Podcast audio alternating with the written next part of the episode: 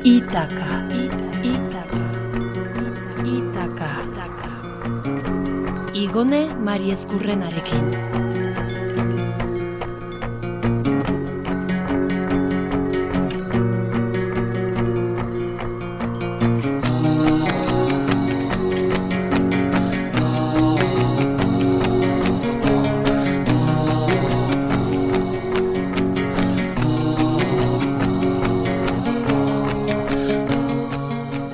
Arratsaldeon entzule ongi etorri itakara edo esatea gustatzen zaigun bezala badakizue itakarantzko abentura berri batera. Gure urrengo portua Sri Lanka izango da. Indiaren ego ekialdera dagoen urtanta forma duen uartea da, herrialde subiranoa, Bengalako golkoan dago, Ozeano Indikoan, eta Jon Andoni Koboren eskutik ezagutuko dugu.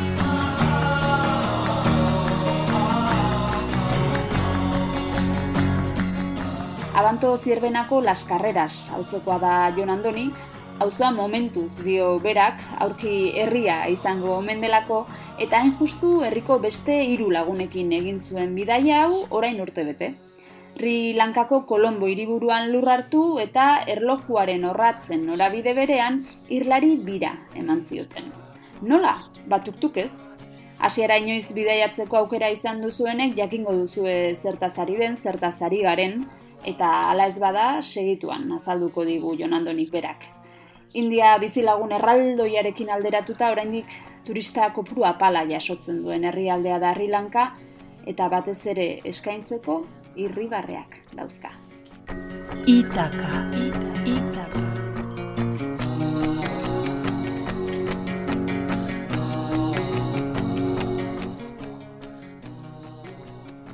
Jon Andoni Kobo, Arratsaldeon, zer moduz? Kaixo, arratsaldeon bai. Ondo, hementxe. Ondo duela urte bete oso bestela izango zinen data hauetan, hain justu duela urte bete, lagun artean egin zenuten bidaia oso berezi bat buruz hitz egin behar diguzulako gaur, Sri Lanka tuktukez. Bai, Jon Andoni, zergatik, zergatik Sri Lanka eta batez ere zergatik tuktukez? Bueno, ba, batez ere, e, Herri Lanka hautatu genuen, ze aurreko urtean e, ibili ginen e, Indonesian bebai, orduan e, e, ikusi genuen Herri Lankan ba, blogetan sartuz eta e, oraindik ez egoela turista askorik. Orduan erabaki genuen e, ba, Herri Lankara joatea batez ere horregatik, oraindik ez dagoelako e, oso turistifikatuta, egia esan da. Eta Bai. garraio bide modura tuktuk aukeratu zenuten. Bai, hori da. Bueno, ba, interneten informazioa irakurriz eta blogetan sartuz, e, ikusi genuen e, tuktuka e, oso aproposa zela bideiatzeko adibidez lagunekin. Eta ia ia bete bat eman genuen e, Herri Lankatik, beraz, e, bageneukan e, denbora nahikotxo ba, tuktuka alokatzeko eta tuktukarekin mugitzeko. Mm, Jon Andoni, ez dakien badazpadare edo irudikatzen ez duen arentzat. Tuktuk Mhm. bat zer da? Bale, bat, tuk-tuk bat da e, motor bat modukoa, baino hiru gurpil ditu. E, bat aurrean eta bi atzean. E, normalean, e, hiru pertsona e, nahiko ondo sartzen dira, baino e, lau ere sar daitezke. Orduan, e, guk e- egin genuena zer, zer izan zen. E, alokatu genituen bi tuk-tuk eta lau lagun ginenez, ba, bakoitzean bi pertsona sartzen ginen. Mm. Eta Tuktuk bertan, behin bertan zinetenean alokatu zen dituzten, edo aldez aurretik egin zenuten lan hori, edo nola izan zen? Bueno, ba, hori, blogetan e, ikusi genuen, e, normalean jendeak e, emetik, e, edo, bueno, haien e, oiko e, herrialdetik e, informazioa lortzen zutela, eta kontaktua Euskal Herritik egin genuen e, bertako e, agentzia batekin. Orduan, informazioa eskatu genuen, eta, bueno, ba, erabaki genuen e, hori alokatzea. Ze gainera irakurri genituen eh, hainbat erreferentzia agentzia horri buruz, orduan eh, nola baiteko fideltasuna bageneukan horre agentzia horrekin, ez? Orduan, eh, tramite guztiak Euskal Herritik egin genituen, eta horra heltzean, ba, ba geneukan ja kontaktua eginda eta eta sarreratxo bat e, ordenduta be bai. Uhum. Beraz, eltzerako tuktuka garraio bidea prest. Esan bai. diguzu bai. motorrantzeko bat dela, egitura ondixa marrago batekin, nik ez dakit e, tuktuka gidatzeko, gidabaimen berezirik behar ote den, prestaketa berezirik, hori nola izan zen, edo norberak hemen duen gidatzeko baimenarekin nahikoa da? Hmm, ba, ez, kasu honetan, e, bueno, hemen Bilbon e, atera behar izan genuen e, e, gidatzeko karneta internazionala, baina e, horrekin bat, e, bakarrik ez du balio. E, haiek egin behar dute karnet bat e, errilankatik ibiltzeko, orduan, guk e, atera genuen hemen karneta internazionala eta e, fax bidez e, bidali genien e, informazio guztia. Orduan, e, lehenengo egunerako haiek baseukaten ja gure internazional, internazional karneta eta prestatu zuten bebai herrilankako karnete, karneta bat.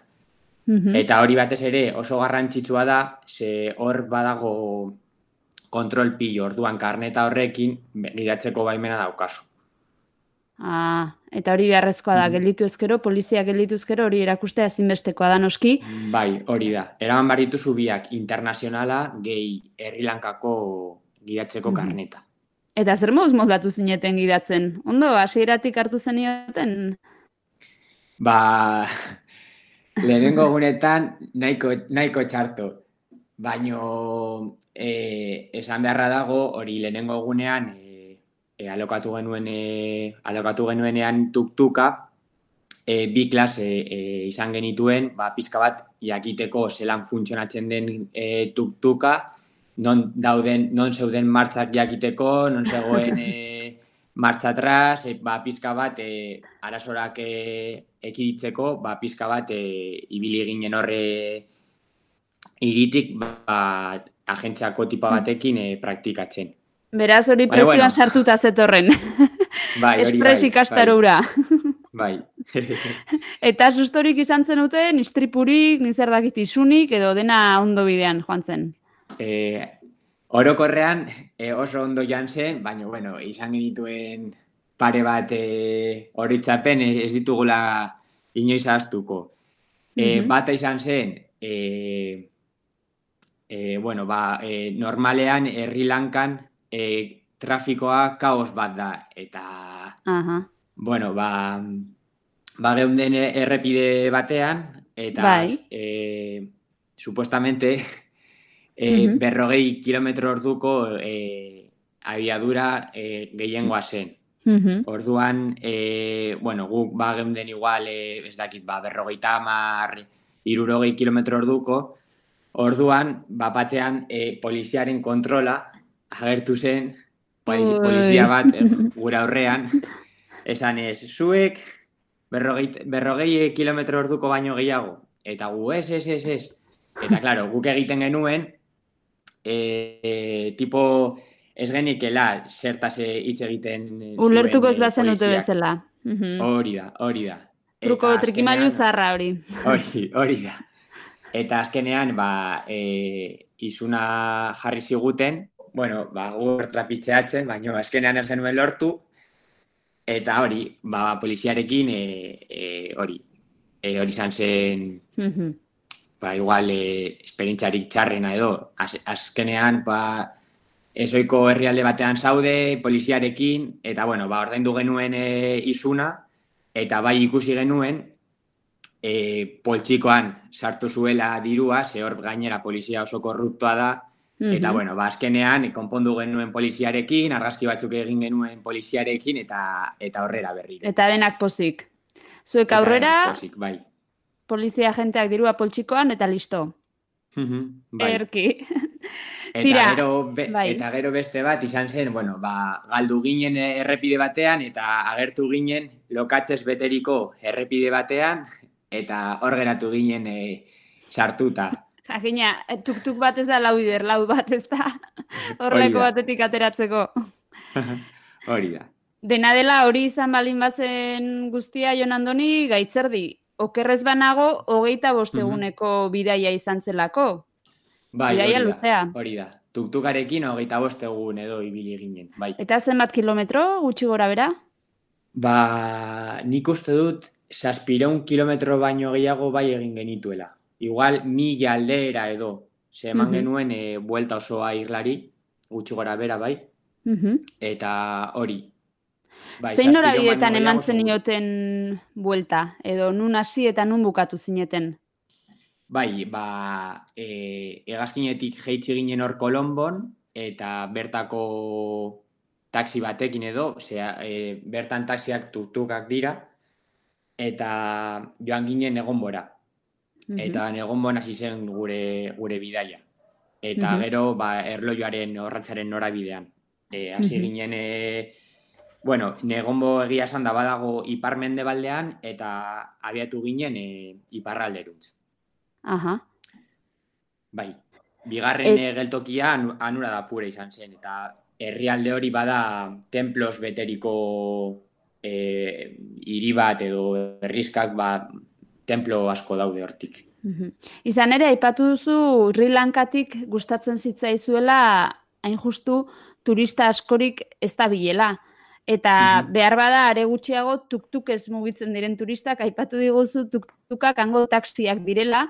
Nola Bai. erreakzionatzen zuen jendeak ezuek eh, ikusita tuktuk bat gidatzen, ezta? Zuek eh, zuen kabuz mugitzen. Zein zen eh, jendearen erreakzioa? Ba, ba, e, nik uste dut flipatzen zutela, ze gainera e, bero handia egiten zuen e, Lankan. Orduan, e, bertako jendeak e, normalean e, praka luzeak eramaten dituzte eta manga luzeak, eta claro, gu, ba, geunden hor, tuktukean sartuta, tiranteekin, txuriak, eta bapatean begiratzen ziguten, tipo, hauek nondik atera dira.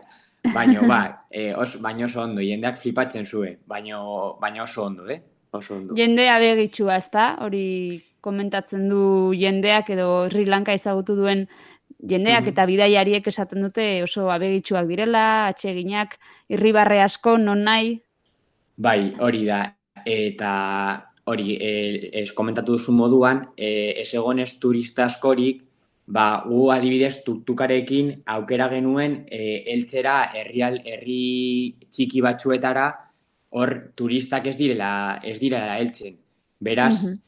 E, nik esan nuen e, bidai osoko sentsazioa e, izan zen beti daudela prest laguntzeko, beti daude irribarrezka, e, beti galdetzen e, zigutenean ondik e, edo nora joango ginen, ez dakit, beti irribarre batekin e, laguntzeko prest oso eskuzabalak. Eta lehen eh, hasi zera komentatzen zen izan ziren lehenengo geldialdiak, baina zein izan ziren zure ustez bidaiaren puntu gorenak edo zure memorian behintzat markatuta gelditu direnak ibilbide zirkular horretan? Ba, bueno, e, gero, herrilanko ondoan, e, badago beste, beste irla txiki bat Pidion Island deitzen dena, eta Bai. normalean turistak ez dira joaten, horra, e, pasatu bazara edo itsasontzi txiki batekin, lantza batekin, ba, ezagut, ezagutu genituen bideiari batzuk, eta esan ziguten, ba, bertan zegoela irla txiki bat, eta, bueno, ba, da tipo parke nazional modukoa, Mhm. eta ez dago e, turistarik. Ba geunden laurok, e, tiburoiekin e, eta dortok, dortokekin Bai, e, itsasoan bai. Eta... baina zen arrazo mota. E, e, boa, ez, mota ez gogoratzen, baino baseuden hiru gogoratzen naiz bat e, ask, e, handia eta beste bitxiki, eta dortoka erraldoi bat. Eta Bai, eta haiekin e, igerian. itsasoan, bai, bai, bai, igerian haiekin, bai. Eta gainera bageunden laurok e, irla horretan. Uh, Así que hori igual e, izan daiteke puntu gorenetako bat. Bai. Bai. Eta gero be bai, e, oso polita iruditu zitzaidan sigirilla, badela e, harri erraldoi bat e, hor e, es, es, oianaren erdialdean, eta bueno, ba, igotzen zara goizean goiz, eta ikusten dituzu biztak, e, ba, oso oso politak ere. Ondartzak ere imaginatzen dut eta argazkiren bat ikusi du gainera izugarriak. Bai, e, ondartzak be bai oso politak, e, bai esan beharra dago e, plastikoren kontua oso txarto eramaten dutela herri lankan bebai, ze batzu, e, ondartza batzuk baseuden oso zikinak, baina bueno, mm batean, egun batean, elkartu ginen katalan batzuekin, eta hartu genituen poltza batzuk, eta ondartza osoa garbitzen, bebai, aritu ginen, e, arratzalde oso bat. Zenbat zabor bildu zenuten? Zenbatu ba, zenuten? Ez, ez dakit, baina igual saspi poltza, ez geneukan gehiago, eta, ba, baina, bueno, hori, hori ere, pues, pena bat da, baina, bueno. Bai, zoritxarrez e, plastikoa da, Asiako inguru horretan oso zabaldua dagoen gaitza, neurria handi batean gure erruz edo guk eragindako albokalteak ere badira, baina tira, badakitala ere fauna oso aberatsa dela eta zuek zuen begiekin ikusi zen utela. Bai, e, hori be bai e, ba, oso ikaragarria izan zen e, animalien eta animaliekin daukaten erlazioa oso naturala delako herri lankan, eta bai, egin genituen e, bi safari. Mm -hmm. Bata izan zen e, Udagualagueko Parke Nazionalean eta bestea Jala National Park. Mm Safariak zer dira, guk irudikatzen ditugun modukoak? Safari esan da, askori burua Afrikara doakigu, eta mm. lako, bueno, kotxe horietan egiten diren safariak pentsatzen ditugu, horrelakoak dira ere bai? Ba, bai, e, gutxi gora bera, Afrikako modukoak e, izan daitezke, baina mm askoz merkeagoak, ze herri lanka herrialde merkea da e, guretzat adibidez, eta, e, ba, bai, joaten zara 4x4 bateko kotxe modukoa, eta... Mm e, ba, bertan mugitzen zara e, animalien bila, ez? Mm Esan beharra daukat, e, bi safari egin genituela, eta bata e, asko gustatu zitzaigun, ze daukate e, errespetu joera bat, eta ez dira asko hurbiltzen e, animalietara. Mm Bestea... Ze animalia ba, zari gara, barkatu? Ba, adibidez, elefanteak. Aha elefanteak eta gero ba, e, egazti mota askotariko e, txoriak eta ikusi genituen. Gero bai ikusi genituen kokodrilloak, e, bueno, ba, horrelako animaliak hemen Euskal Herrian e, ezin ditugula aurkitu, ez? Eta hori adibidez udagualagoen oso jende gutxi zegoen parke horretan sartuta eta aldiz jalan e, asko turista gehiegi zeuden, guretzat. Orduan, mm -hmm. bageneukan hor sentsazioa jala parkearekin pizka bat desatze gina eta horregatik erabaki genuen beste bat egitea ea, ba, pizka bat e, kentzeko respinita. Bai, ez da, behar bada animalien bizitza gehiegi astoratzen duten safari hoietakoak edo parke hoietakoak. Bai. Aizu, Andoni eta, bai, esan. Bai, e, orokorrean e, hori, e, errespetatzen dutela pilo bat, eh? haien e, ingurumena, haien ingurua, animalien bizitza, asko errespetatzen dute. Aizu, Jon Andoni, eta ibilbide oso oso oso egintzen duten tuktuk ez edo gontzen nik ez erdakite salgoespenen bat edo tarteren bat beste moduren batera egintzen dutena? Bai, e, ba, egin genuen tartetxo bat, ze Herrilankako erdigunean dago Gandhi iria eta bertatik mm irtetzen da e, tren oso famatu bat munduko politenen artean sailkatzen dutela eta mhm. hartu genuen e, Gandhin trena elaraino e, mm -hmm. aldean dagoela gutxi gora bera ela eta bada tren oso oso oso oso polita eta mhm. dago ba bertako jendez beteta, ez? eta ibili alzara trenetik, atera alzara pizka bate atera e, argazkiak ateratzera, eta bitartean e, e, ba, tuktukak e, agentziako agentziakoekin e, hitz eginez, ba, haiek mugitzen zituzten kanditik elara e, e, gu trenean den bitartean. Aha, primera, beraz trenetik jetxi eta berriro tuktuka prest. Hori da, hori da. Aizu, eta nona intzeneten lo? Nola moldatzen zineten gauak pasatzeko? Bueno, ba, gauak pasatzeko adibidez, normalean beti egunean bertan e, hartzen genituen, edo egun bat lehenago, gutxi gora bera, etaparen e, luzeraren e, arabera moldatzen ginen. Jakin, etapak ere moldatuko zen ituztutelako, ez da? Bai, abian, bai, abian, eguraldiaren arabera, gogoaren arabera. Eguraldiaren arabera, batez ere, eta gero, bai, gogoaren arabera.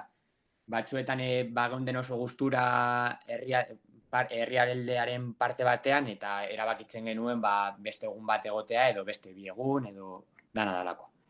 Orduan, normalean, e, hoteletan e, ibili ginen, batzuetan pizka bat e, hotel de Sibaritas, baino normalean ba hotel ba, beti bilatzen genuen igual piztinarekin ze bera handia egiten zuen eta hori baino normal. Ederki eta janaria ba egia esan da oso ondo be bai e, gustatzen zaigu pio bat e, bertako bueno bidaiatzen baldin badugu herri batera bertako janari guztia frogatzea eta herri lankan ba e, aukera ezin hobea izan zen e, segun pio eman genituen ba, motaskotariko e, janaria frogatzeko. e, bai esan behar da, pikantea erabiltzen dutela e, janari guztietan, bai. eta ni pikantearen e, oso salea ez nintzen, baino herrilankatik bueltan, ba, ba bai, orain pikantea erabiltzen dute sukaldatzeko. orain ibiltzen zera horrelako jatetxe mila eta zu etxean esperimentuak egiten baita ere, ziur. Bai, eta hori espezia, espezia asko erabiltzen dituzte eta bueno, ba, orain hemen sukaldatzen ba, horrelako espeziak ekarri nituen herrilankatik eta erabiltzen ditutu sukaldatzeko. Eta horregin horri batean bidaiatuko duzu herrilankara berrizatzera, seguru. Seguru, Zaporen bai. bitartez. Bai. Zuen artean ongi moldatu zineten, Jon Andoni? Ez baita erraza hainbeste egunez, hainbeste ordu tuk-tuk baten barruan, eta tira, kasu batzutan zailtasunekin eta bar, lau lagun joan zineten eta lau lagun itzuli zineten lagun izanik? Bai, azkenean e, ezagutzen gara txikitatik, koarriakoak gara, eta esen lehenengo aldia bideatzen genuela elkarrekin, eta bai, oso, oso gustura ibili ginen eta oso ondo moldatu ginen. Ba, horrek badakizu zer esan nahi duen, ezta? Beste bat etorriko dela. Lauen artean bai. e, egingo duzuela beste bat eta hori zoragarria da beti. Eta izu guk espero dugu beste alakoren bat mhm. sortzen bada, ba, gutxienez kontatzea eta zure kontakizunaren bitartez guk ere bidaiatzea. Jon Andoniko bai. mila esker. Bai, eskerrik asko zuri ere. Oso gustura naiz hemen hitz egiten. Ederki, ba, ongi ongi izan eta eta aurrengo bidaia, aurrengo abentura ere kontatu iguzu. Hori edo las carreras herri denean, herri bilakatzen denean, orduan ere hotxe egin eta eta komentatuko dugu. Bai, noski, eskerrik asko. Vale, Jon Andoni, agur. Vale, agur, bai. She's Sri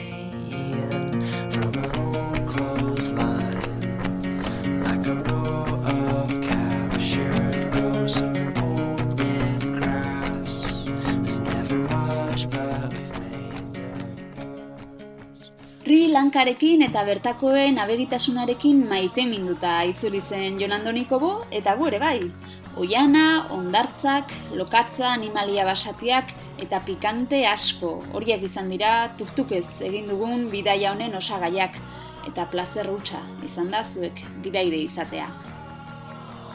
Aurtengoa ez dirudi izango denik, momentuz behintzat hain urrunera egiteko urtea, baina memoriarekin bidaiatu nahi baduzu eta gu konplize bilakatu, konta iguzu, mesedez, zure bizipenen berri, itaka abildua naiz irratia.eus elbidera idatzita.